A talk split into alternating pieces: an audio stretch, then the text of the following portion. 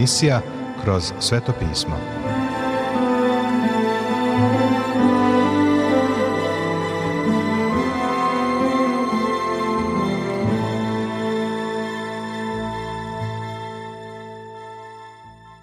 Dobroveče, poštovani slušaoci i dobrodošli u još jednu emisiju programa Kroz sveto pismo, programa koji je za vas napisao Vernon McGee, a pročitao Branko Bjelajac.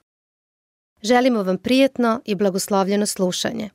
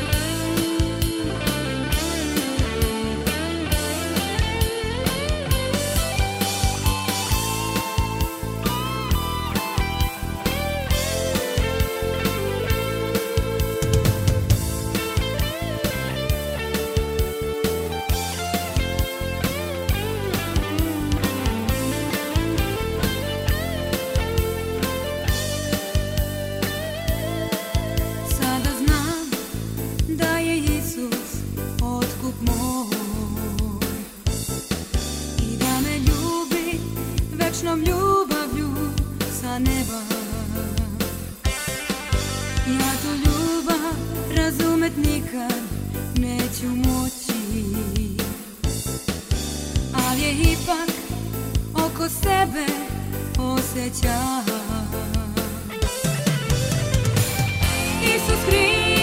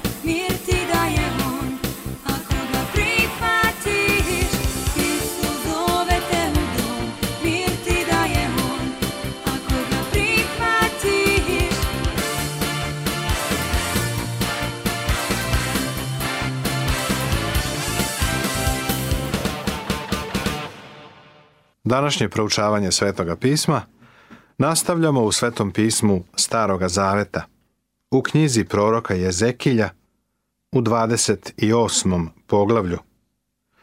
I nastavljamo od 16. stiha.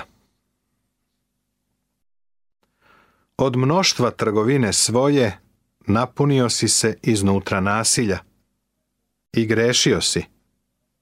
Zato ću te baciti kao nečistotu zgore gore Božije i zatrću te između kamena ognjenog, me zaklanjaču. Sotoni će se suditi za njegov greh. On je samo stvorenje. Ne znam za tebe, ali mene ovo teši. Ja lično ne bih mogao sam da ga nadvladam. Nisam mu dorastao. Prema tome zahvalan sam Bogu što će se on pozabaviti njim. Srce se tvoje ponese lepotom tvojom. Ti pokvari mudrost svoju svetlošću svojom. Bacit ću te na zemlju. Pred careve ću te položiti da te gledaju. Srce se tvoje ponese lepotom tvojom. Ponos. Ti pokvari mudrost svoju svetlošću svojom. Vidiš, Solomon, najmudriji čovek ispao je budala. Ovdje vidimo da i najmudrije biće koje je Bog ikada stvorio, ispunjeno svim što je moglo da se nauči, također je ispalo budala. Prijatelju, Božoj deci danas to isto može da se desi. Bacit ću te na zemlju. Pred careve ću te položiti da te gledaju.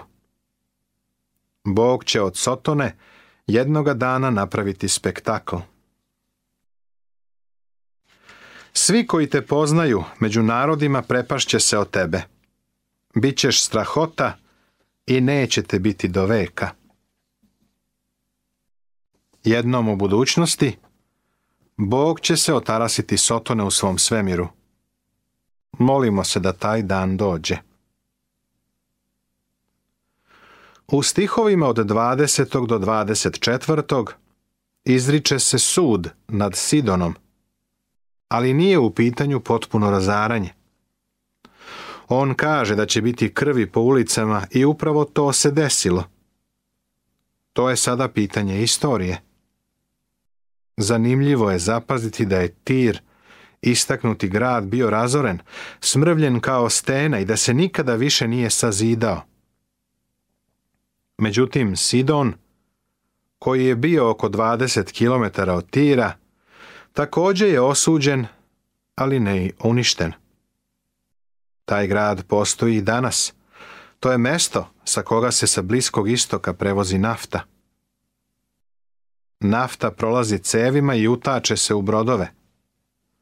Sidon je uspešna luka, dok dolen iz obalu u ruševinama leži tir – Pored njega je samo malo ribarsko selo. Bog kaže da se tir nikada više neće sazidati. Bog je znao o čemu govori. U ovom poglavlju je dao jasno proroštvo. Tir će se razoriti i nikada se više neće sazidati. Sidonu će se suditi, ali se neće razoriti. Danas, oko 2500 godina kasnije, Tira nema, a Sidon živi. Ovako veli gospod, gospod. Kad skupim dom Izraelov iz naroda, među koje su rasajani, i posvetim se u njima, pred narodima, i nasele se u svojoj zemlji koju dadoh sluzi svom Jakovu, tada će živjeti u njoj bez straha, i gradit će kuće i sadit će vinograde i živeće bez straha kad izvršim sudove na svima koji ih pleniše sa svih strana i poznaće da sam ja gospod Bog njihov. Bog kaže, nameravam da ponovo okupim Izrael. Sotona ne može da poremeti Božije planove i njegov program sa Izraelcima – Čak ni jedan jedini teolog danas ne može da obezvredi Božiji plan, da obnovi Izrael i vrati ga u njegovu zemlju, da živi u miru. Jedan od razloga što su mnogi teolozi verovali da je Bog završio sa izraelskim narodom je taj što Božiji narod nije upoznat sa pisanjem Isaije, Jeremije, Jezekilja, Danila i takozvanih malih proroka. Kroz sve ove proroke se proteže istina da Bog nije završio sa Izraelom kao narodom. Zato ove proroke treba proučavati. Oni bacaju novo svetlo na Božju reč, tako da više ne vidimo zagonetku, nego sve pada na svoje mesto, kaže Verno negi u svojim komentarima koje vam čitamo. Poglavlja 29. i 30. Proroštvo protiv Egipta Mnogi konzervativni tumači Biblije zauzimaju stav da su proroštva za Egipat značajnija od proroštva za Tir. Moram priznati da se sa tim ne slažem. Proroštva o Tiru su izvanredna. I proroštva o Egiptu su zanimljiva. U ovom poglavlju također ćemo naći zanimljiva proroštva. Egipat je bio veliki narod i nije uništen. Očuvao je svoj integritet kroz vekove. On je jedan od najstarijih naroda. Nije imao potrebu da postavlja odbrambene zidine. U ostalom, Pustinja je prilično dobra odbrana. Postojao je samo jedan ulaz, kroz dolinu reke Nil. Sve što je Egipat trebalo da uradi, da bi se zaštitio, jeste da tu postavi dobru odbranu. Egipatski gradovi nisu ozidani zidinama. Zidine nisu bile potrebne. Sada Bog kaže da će Egipćani otići u ropstvo na 40 godina. Godine desete, desetog meseca, dvanaestog dana, dođe mi reč gospodnja govoreći, Sine čovečiji, okreni lice svoje prema Faraonu, caru Misirskom, i proroku i protiv njega i protiv svega Misira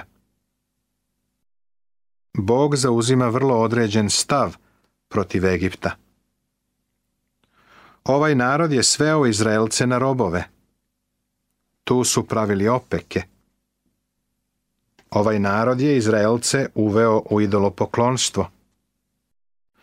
Egipat je godinama bio trn u telu Izraela, ali je Izrael stalno trčao u Egipat po pomoći. Iz nekog razloga Izraelci su se stalno oslanjali na Egipat. Sada Bog kaže da je krenuo na Egipat i da će ga razoriti. Govori i reci. Ovako veli gospod, gospod. Evo me nate, faraone care misirski, zmaju veliki što ležiš usred reka svojih, koji reče, moja je reka, ja sam je načinio sebi. Faraon se ovdje upoređuje sa velikim zmajem, koji kaže, ovo je moja reka. Zanimljivo je primetiti da je Egipat obožavao različite ptice, zveri i bube. Nevolje koje su došle na Egipat, kako je zapisano u drugoj Mojsijevoj u sedmom poglavlju, do 11. poglavlja bile su usmerene protiv bogova koje je Egipat obožavao. Uprkos užasnim pošastima koje su ih napale, te pošasti pokazuju i kako Bog ima smisao za humor. Zamisli ih kako obožavaju Heka, žaboglavu boginju a onda se jednog jutra probude, a žabe im svuda po sobi. Šta bi uradio? Počeo da ubijaš boginju? Mislim da se gospod na sve ovo smešio. Faraon koji se ovdje spominje je faraon Hofra, koga su na grčkom zvali Apris. On je bio unuk faraona Nehaona, koji je pobedio cara Josiju kod Megidona. U stvari Josija je poginuo u borbi. Carevi Joakim, Joahin i Sedekija su se svi okrenuli faraonu Hofri kada je zauzet Jerusalim. Egipatska vojska je došla kroz Fenikiju i primorala Haldejce da krenu na opsadu Jerusalima. Prorok Jeremija je objavio propast faraona Hofre govori gospod nad vojskama, Bog Izraelov. Evo, ja ću pohoditi ljudstvo u Noji i faraona i misir i bogove njegove i careve njegove, faraona i sve koji se uzdaju unj. I daću ih u ruke onima koji traže dušu njihovu. U ruke Navuhodonosoru, caru Vavilonskom i u ruke slugama njegovim. A posle će biti naseljen kao pre, govori gospod. Knjiga proroka Jeremije, 46. poglavlje, 25. i 26. stih.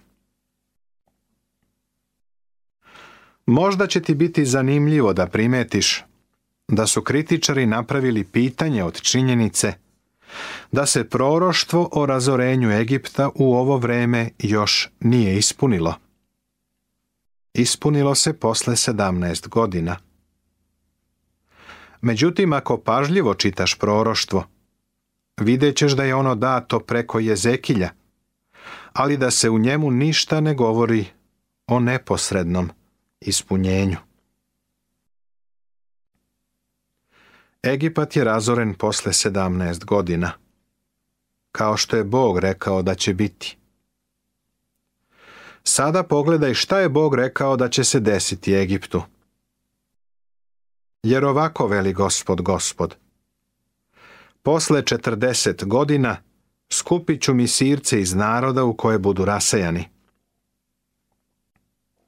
Posle sedamnaest godina, da budemo precizni, Vavilonski car Navuhodonosor je došao i odveo Egipćane u ropstvo. U zarobljeništvu su bili 40 godina, a ne 70 kao Izrael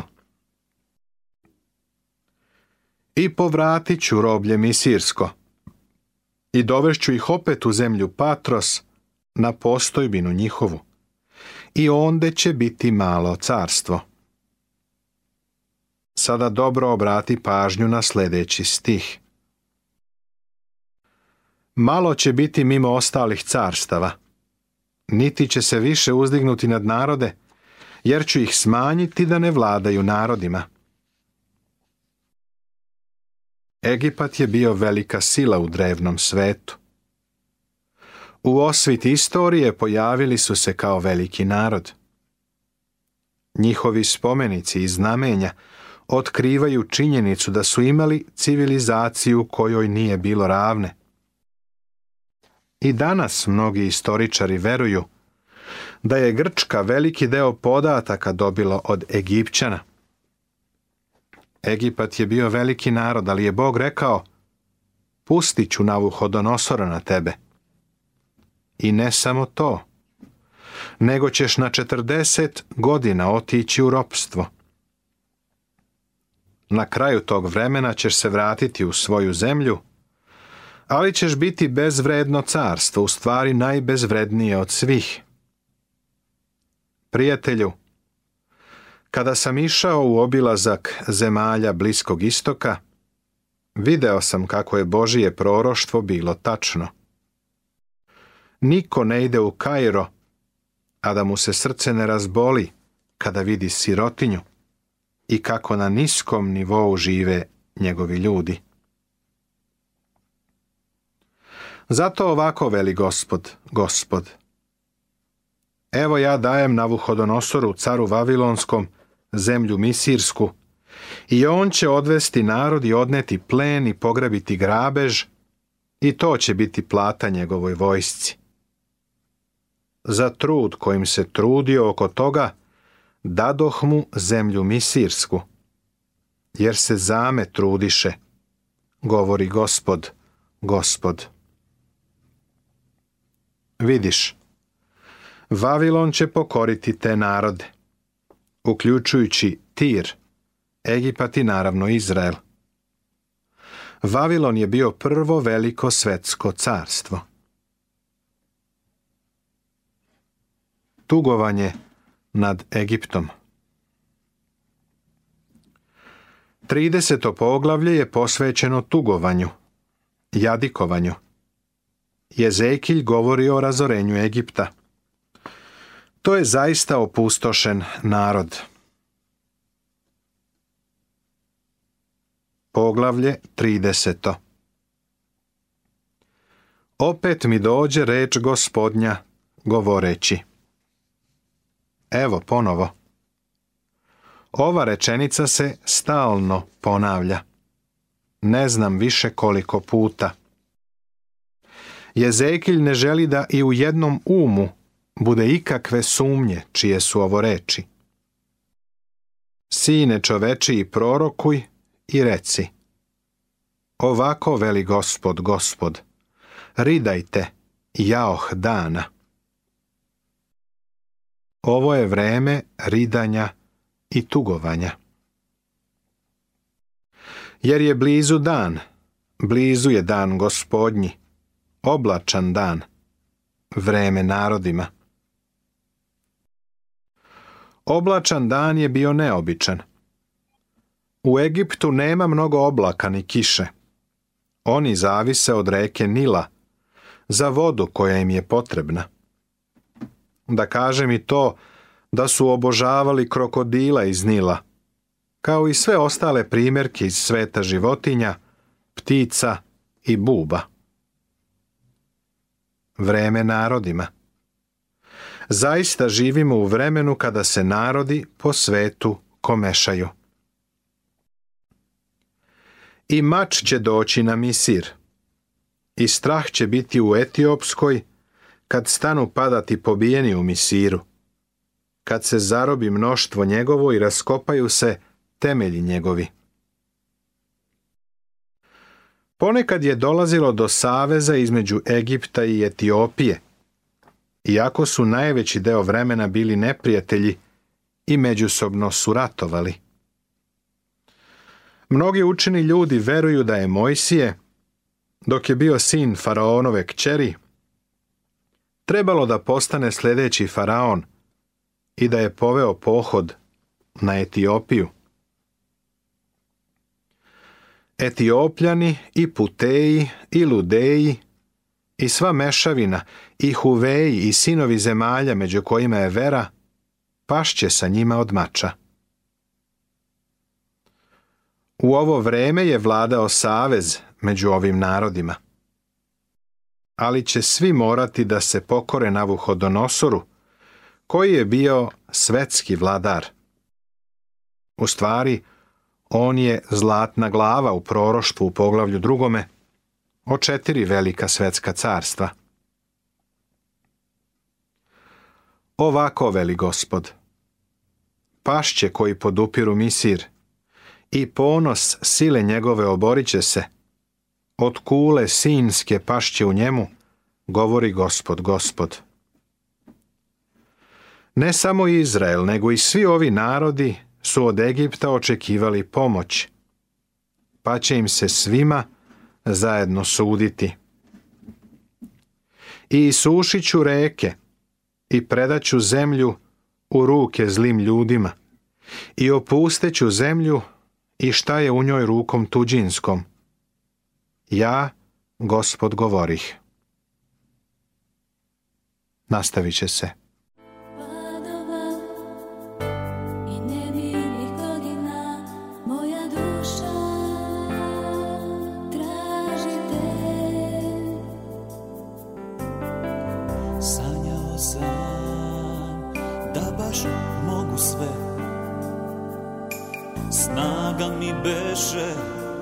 Orlova Al u trenu lažni sjaj je nestao Jer put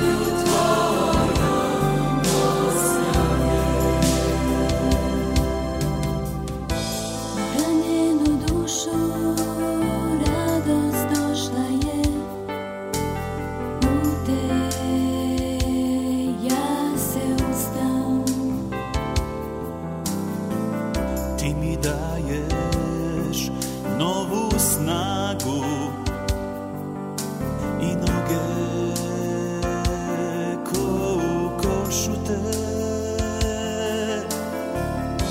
Da svedok tvoj Bože budem od sad ja I nosim svuda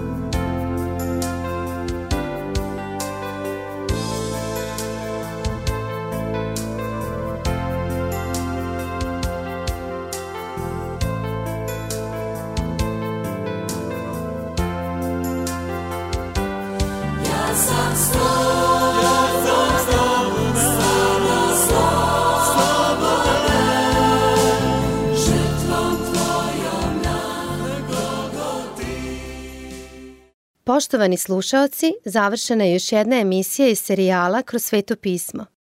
Ovaj program možete da slušate svakog radnog dana na talasnoj dužini od 1548 kHz u vremenu od 22 sata do 22 sata i 30 minuta. Ukoliko želite da nam se javite, da nas pohvalite ili pokudite, da nam predložite izmene kojima bismo mogli da poboljšamo naš program – ali i da vas nagradimo kakvom dobrom hrišćanskom knjigom, Novim Zavetom ili celom Biblijom. Na raspolaganju su vam telefon, elektronska pošta ili obična pošta. Broj našeg telefona je plus 381 062 396 331. Adresa redakcije glasi Poruke, Poštanski fah 37 11060 Beograd. Elektronskom poštom nas možete kontaktirati na krosvetopismo at gmail.com. Takođe, pripremili smo vam i web stranicu na kojoj možete pronaći sve naše programe. Adresa web stranice je www.twr.com serbia.org. To bi za večeras sa naše strane bilo sve. Pozdravljaju vas i žele vam Boži blagoslov Branko, Nebojša i Monika. Laku noć.